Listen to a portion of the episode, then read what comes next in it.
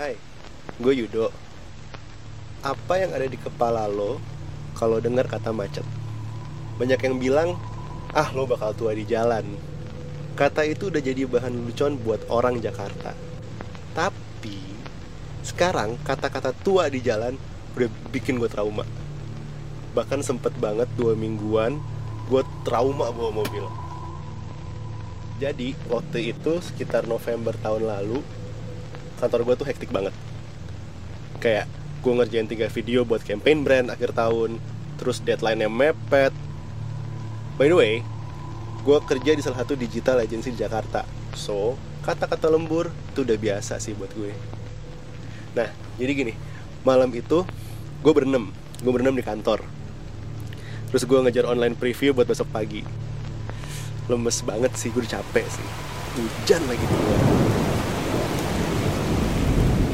nah pas sekitar jam sembilanan itu kan hujan udah mulai agak reda tuh. Terus teman-teman gue packing pada mau balik. Pokoknya satu persatu mereka balik sampai akhirnya tinggal gue sama teman gue yang namanya Steffi. Karena keseharian gue bawa mobil jadi tuh gue udah tahu banget tuh kalau misalkan gue pulang jam segitu kondisi jalanan abis hujan pasti macet banget. Bubaran motor yang habis neduh terus mobil-mobil ya yang orang-orang kantoran pada keluar lah yang karena habis hujan. By the way rumah gue itu di daerah Bintaro. Bintaro sektor 9 nah pas gue lihat Gmaps dari kantor gue Tanah Abang itu kalau masuk tol macet banget. Jadi ya akhirnya gue mutusin mendingan lewat jalan ya jalan yang biasa jangan lewat tol. Jadi rute yang gue ambil dari Tanah Abang terus gue ke stasiun Palmerah habis itu gue nembus arteri gue lurus terus lewat Pondok Indah terus akhirnya gue nyambung ke Deplu. Nah pas gue lagi jalan nih di tengah jalan tuh udah mulai tuh kayak rintik hujan mulai turun. Waduh hujan lagi gitu kan. Terus sebenarnya gue agak males sih kayak dengan rute yang gue lewatin especially kalau misalkan gue lewat tanah kusir. Ya lo tau kan banyak banget cerita-cerita yang aneh tuh di sana akhirnya gue langsung tancap gas. Gue lurus tancap gas. Sampai akhirnya gue nyampe veteran. Hujan udah gak reda sih. Pas di veteran itu macet banget. Rame. Ubaran motor mobil. Jadi ya udah gue carilah jalan pintas. Akhirnya gue coba gue menuju ke Bintaro sektor 1 seneng dong gue. Lancar tuh jalan tuh. Pas gue lewat situ sepi. Enak banget sih tapi kesenangan gue tuh terhenti sama bunyi palang rel kereta di Bintaro sektor 1 karena ada bunyi palang kereta itu gue berhenti. Sambil nunggu rel kereta gue buka Instagram lihat-liatin instastory orang.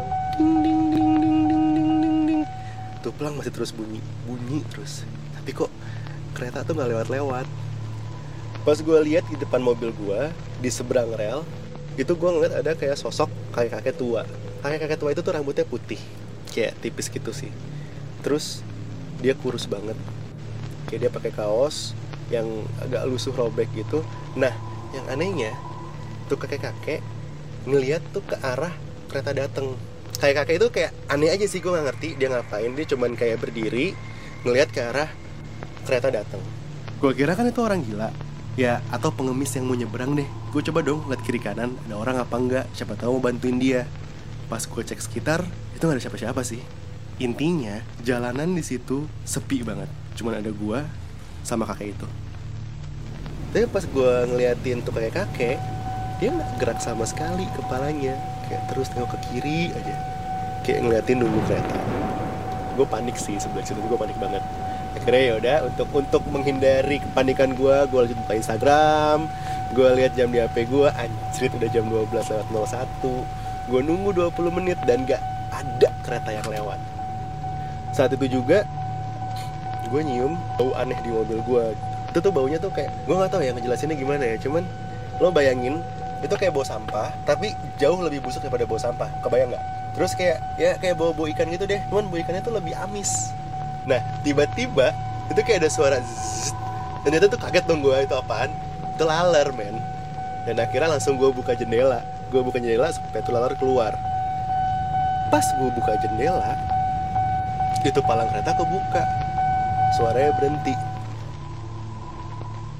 tapi anehnya setelah gue buka semua jendela itu bau masih nggak hilang juga sih ya udah akhirnya gue lanjutin gue lewatin rel dan ngebut balik ke rumah di sepanjang jalan gue buka tuh semua jendela mobil gue. Sampai akhirnya gue sampai tuh bau amis masih ada di mobil gue. Gue ngecek kolong mobil dan ban gue siapa tahu ya gue ngelindes bangke atau apa gitu. Tapi gue cek nggak ada apa-apa. Ya udah paling besok deh gue salonin deh mobil gue sampai rumah gue mandi cuci muka terus masuk kamar. Nah ini hal yang paling aneh yang pernah gue rasain. Jadi pas masuk kamar kamar gue tuh bau banget sumpah. Baunya tuh persis kayak bau yang ada di mobil gue tadi gue sampai mau muntah saking baunya. Terus gue ambil semprotan pewangi gue semprotin tuh pewangi di kamar gue banyak banget dan baunya tuh nggak hilang. Lo kebayang gak sih bau itu ditaruh di depan hidung lo terus lo cium tuh nggak hilang hilang akhirnya ya udahlah sampai gue paksain buat tidur. Mungkin karena gue capek banget dan besok pun gue harus present pagi. Pas pagi ya gue mau berangkat mobil gue tuh lagi dicuci sama si mas yang kerja di rumah gue namanya Mas Butul dia tuh udah kerja lama di keluarga gue.